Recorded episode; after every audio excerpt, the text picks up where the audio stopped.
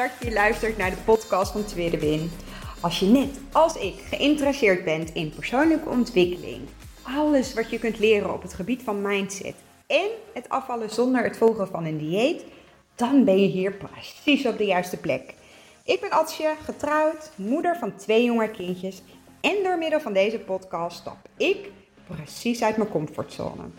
Ik heb er super veel zin in. Let's go!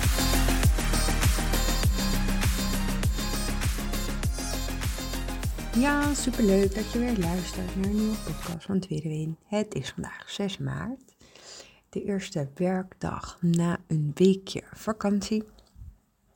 En ik heb een lekker uh, productief dagje op zitten. Ik dacht voordat ik in de auto stap en in de avondroutine ga met twee kindjes koken, eten, nou, naar bed brengen. En op maandagavond is mijn vaste schoonmaakavond. ik hou nou eenmaal van routines. Um, dacht ik ga eerst even een podcast opnemen.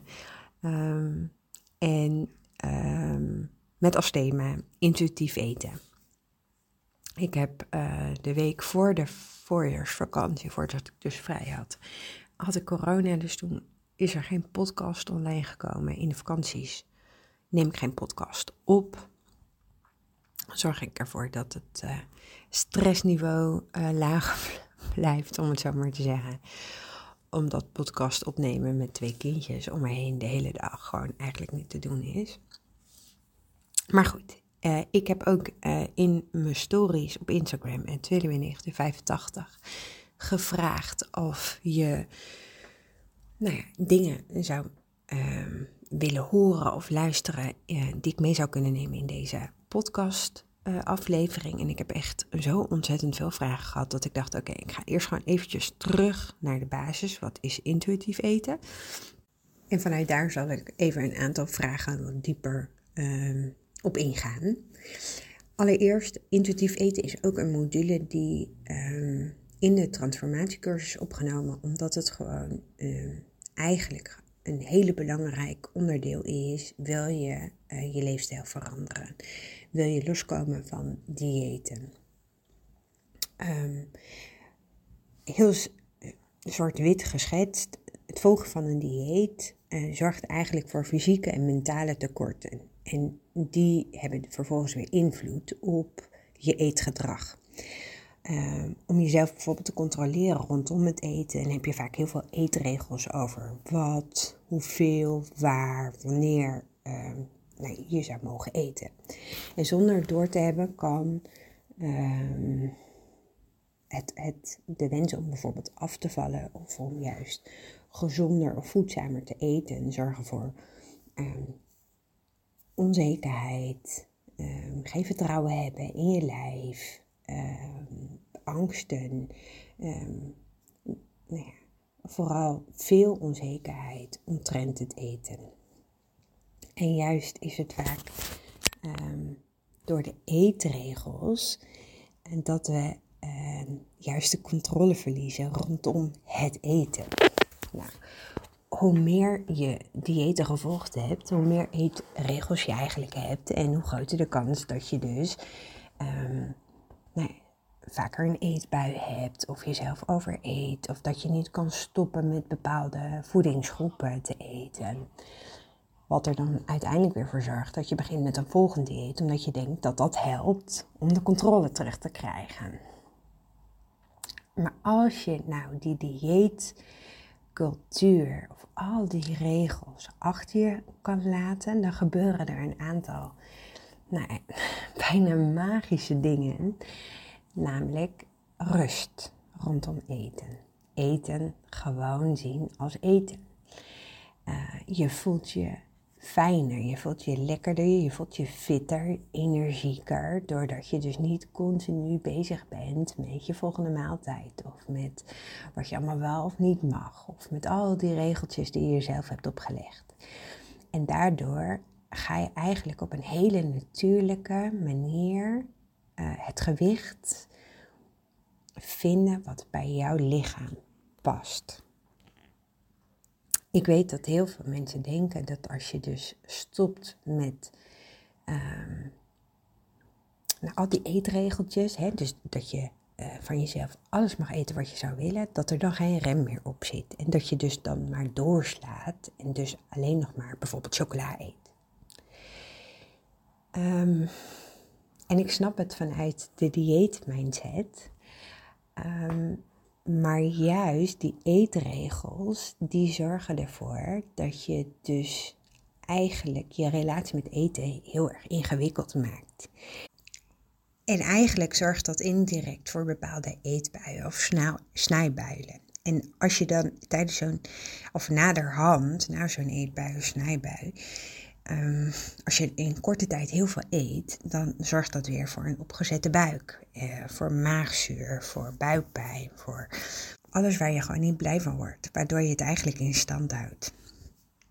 En intuïtief eten is veel meer dan alleen eten. Want ook een gezonde relatie met beweging valt onder intuïtief eten.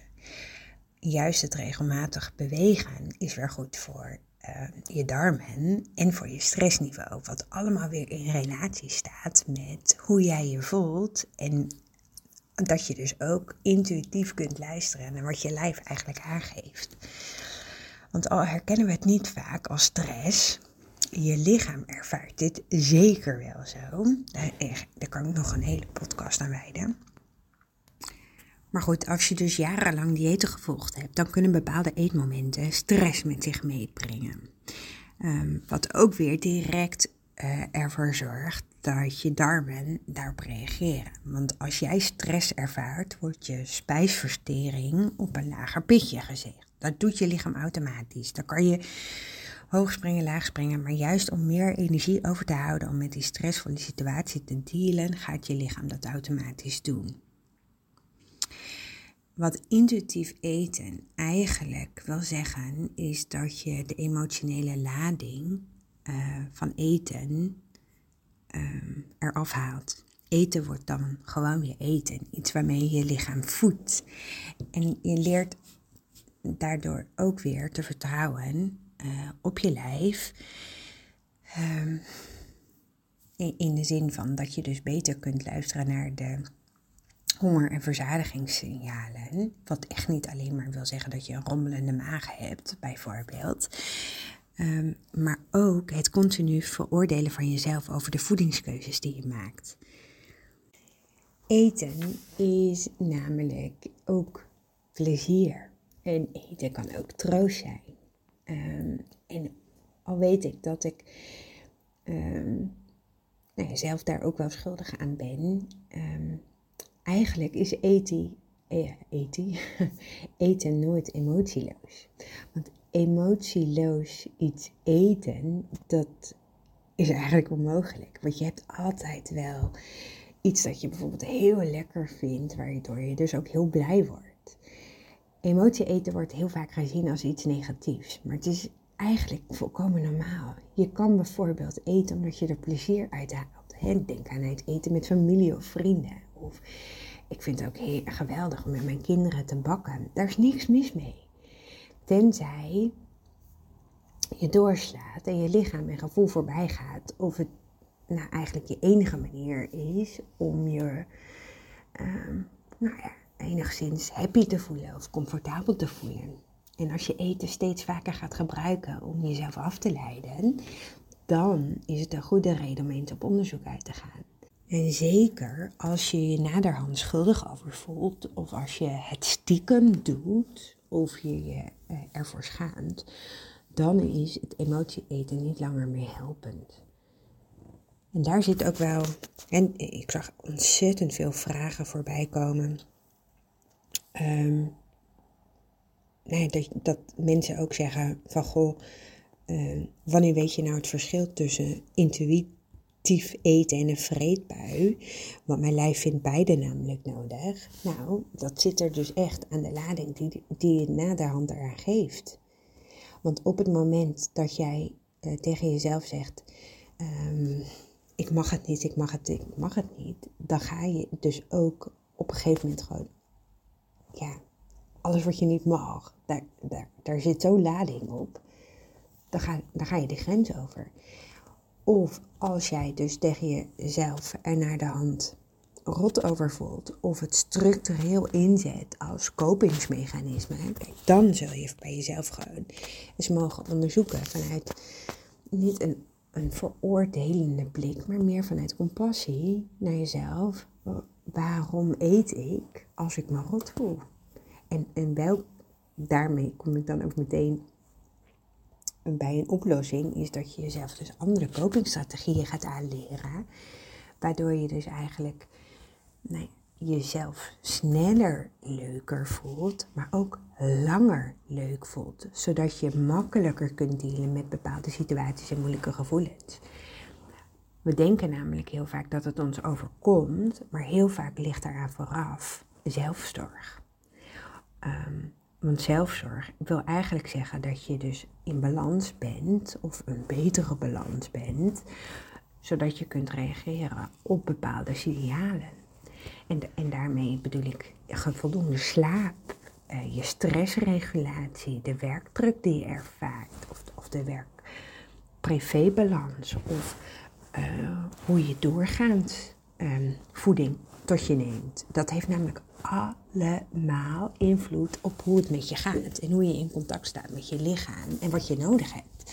Als je namelijk continu onder stress staat, um, en daar wil ik het later nog wel eens over hebben, want ik dacht altijd dat ik, nou ja, stressbestendig was, dat ik echt geen last had van stress. Nou, dat is dus niet helemaal waar. Maar dan zal je veel minder stil kunnen staan bij je gevoel. En stress en minder goede zelfzorg hebben er weer invloed op je hormoon cortisol. Waar Ankie trouwens ook heel vaak iets over deelt op haar Instagram-account. En dit hormoon verhoogt weer de behoefte aan eten. Zonder dat je daar dus bewust van bent. Een goede basis zelfzorg is dus essentieel als je dus wilt werken aan je gezondheid. Nou, en een laatste puntje wat ik over emotie eten nog als tip zou willen meegeven. Dan kom ik nog even, wil ik nog even op een aantal vragen dieper ingaan. Um, is, we zijn zo gewend om wel altijd in een soort van happy modus te zijn. Dus je wilt uh, emoties daar waar we wel blij van worden. Of verliefd. Of als we ons vrolijk zijn. Of uh, nou ja, uh, al die dingen zeg maar die ons een positief gevoel geven. En die laten we heel makkelijk toe. Maar al die emoties die we lastiger vinden, die stoppen we het liefst zo ver mogelijk weg. En eigenlijk is daar, geldt daar precies hetzelfde voor als met eten. Als je het weg stopt of als je het van jezelf niet mag voelen, het komt altijd als een boemerang terug. En dan zelfs nog een stapje erger. Dus gun het jezelf ook om juist die nare gevoelens er gewoon te laten zijn. En ja, dat voelt even rot, maar juist dat hoort ook bij het leven. Ook boos zijn hoort ertoe. Ook verdrietig zijn hoort ertoe. Ook jezelf. Nou ja, ergens voor schamen doet er ook toe. Het wil niet zeggen dat jij je dan ook uh, zo bent maar de emoties, die, die zijn er gewoon. En die horen er ook gewoon bij het leven.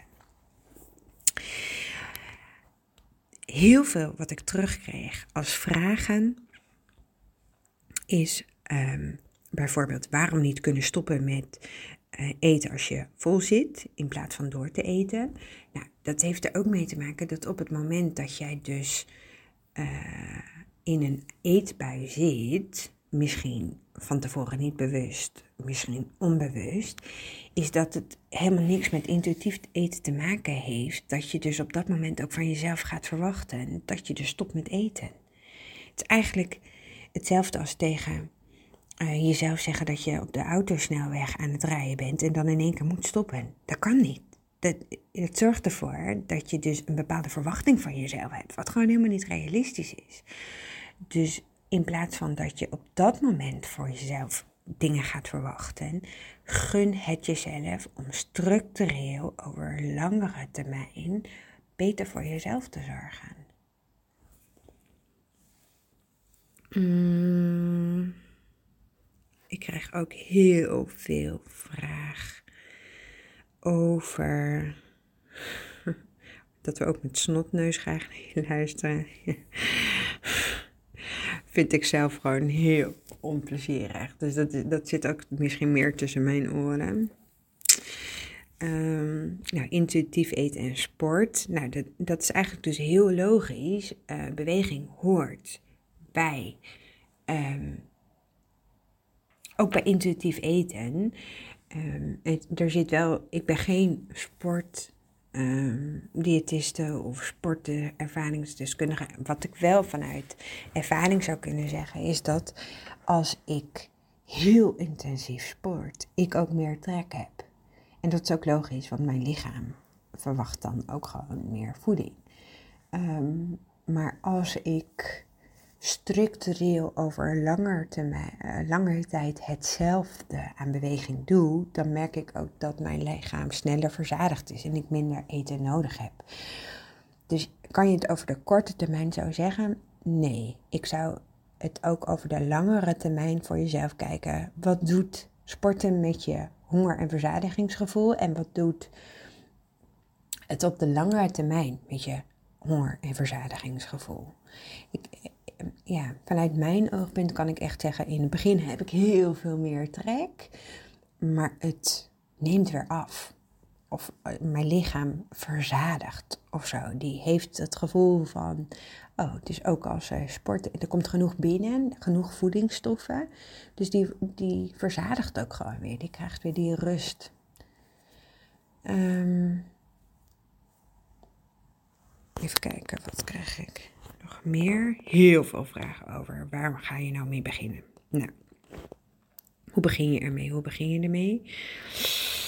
Um, allereerst, we denken heel vaak dat we geen um, regels hebben omtrent eten. Nou, sterker nog, ik kwam er recent ook weer achter.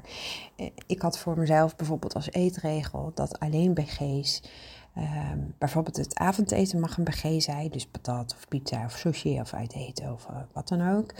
Of in de avond iets lekkers, overdag niet. Nou, daar zit wel deels een gedachtegang achter, namelijk dat ik uh, merk dat als ik overdag iets zoets eet, dat ik sneller um, nou piek en daal in mijn bloedsuiker en dus sneller ook um, de hele dag een beetje een soort hang of zo'n soort trek krijg naar zoet, um, waar ik niet aan toe hoef te geven. Maar goed, dat, daardoor had ik automatisch de eetregel voor mezelf bedacht dat ik dus niet overdag een BG mag. Maar andere eetregels zouden bijvoorbeeld ook kunnen zijn.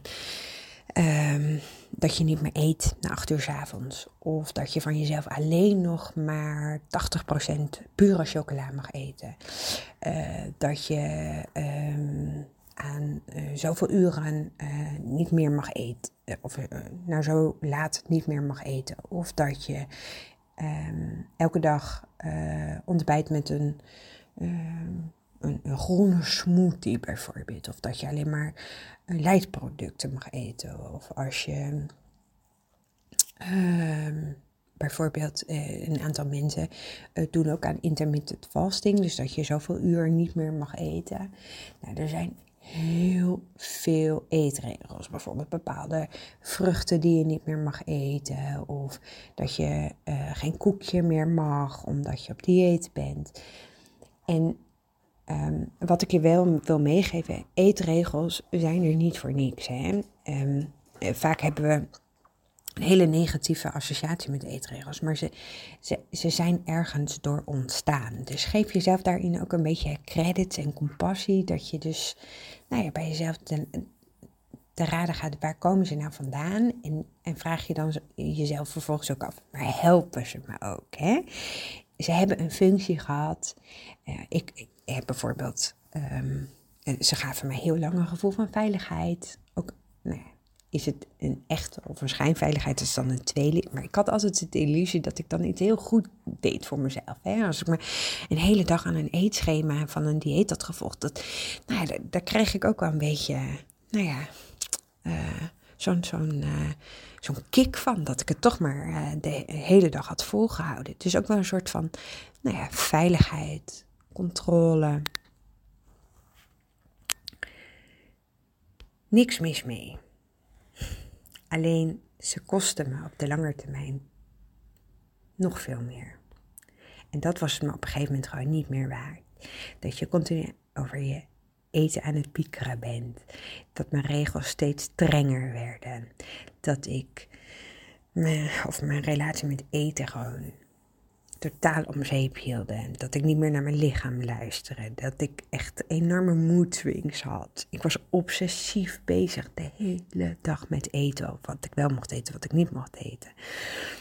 Ehm, ik had heel veel stress omtrent eten, waardoor ik veel meer eetbuien kreeg. Ik stond nou ja, meerdere keren per dag op een weegschaal. Ehm, ik luisterde helemaal niet meer naar mijn honger- en verzadigingsgevoel. En sterker nog, ik kwam juist ook heel veel aan. Terwijl juist al die controleregels ervoor moesten zorgen toch dat ik zou afvallen. Dus de eerste wat ik je zou willen meegeven is, word je dus bewust van je eetregels. En vraag je jezelf dan vervolgens ook af, leveren die eetregels ook op wat je ervan verwacht? Al die eetregels en de weegschaal en de diëten, dat zijn allemaal regels uh, van nou, externe regels. Mensen die jou vertellen wat je en hoeveel je zou moeten eten. En daardoor ben je eigenlijk uh, minder gaan luisteren naar je eigen uh, honger- en verzadigingsgevoel.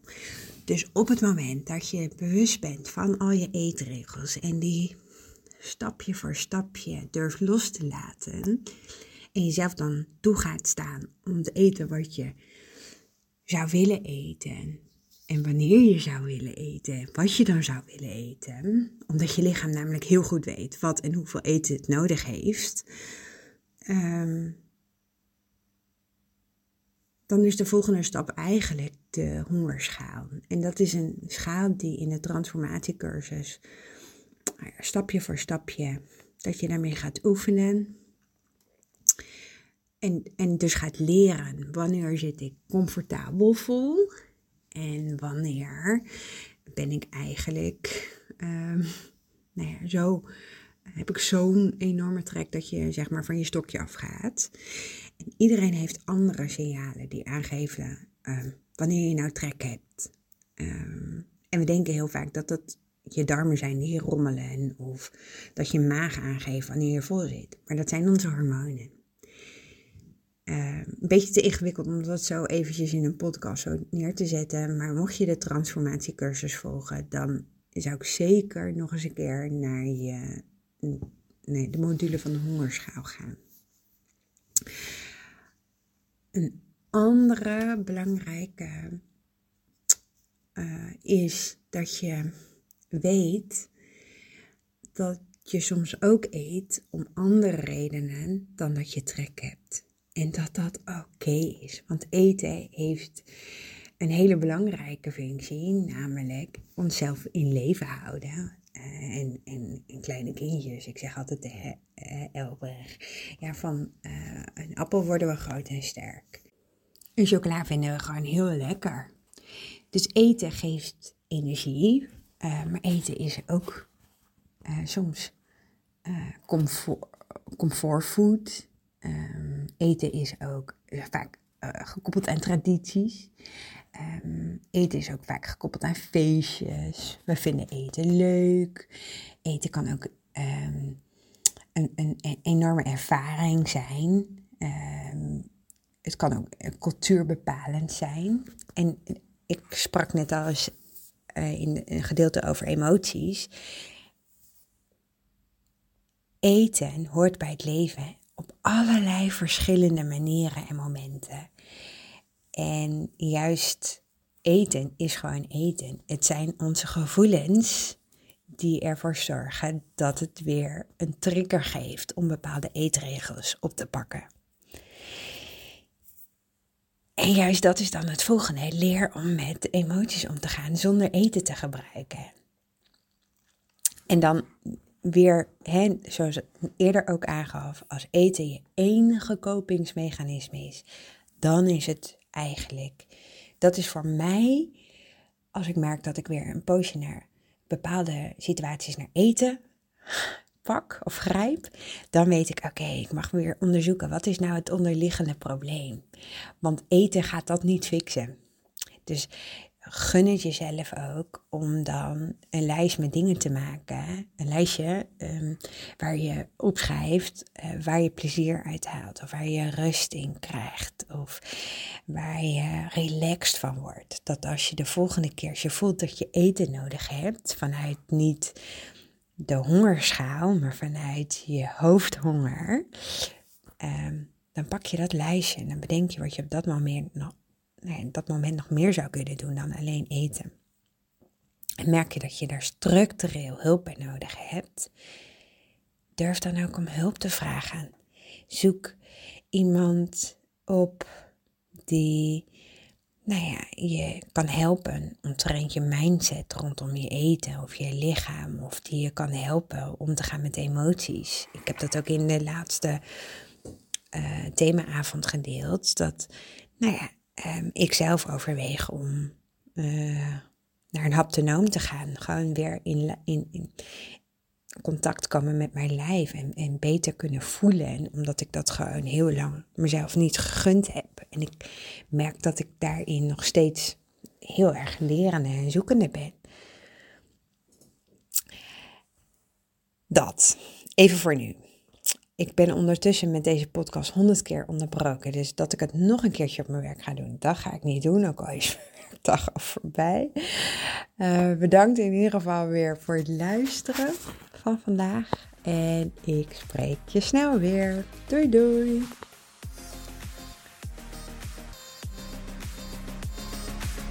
Super, super leuk dat je geluisterd hebt naar deze podcast. Mocht je hem nou interessant gevonden hebben, heb ik je mogen inspireren, laat het mij dan vooral weten. Tag mij op Instagram, stuur me een DM, want ik vind het gewoon super leuk om te zien wie er luistert. Mega, mega dankjewel voor vandaag en tot de volgende keer.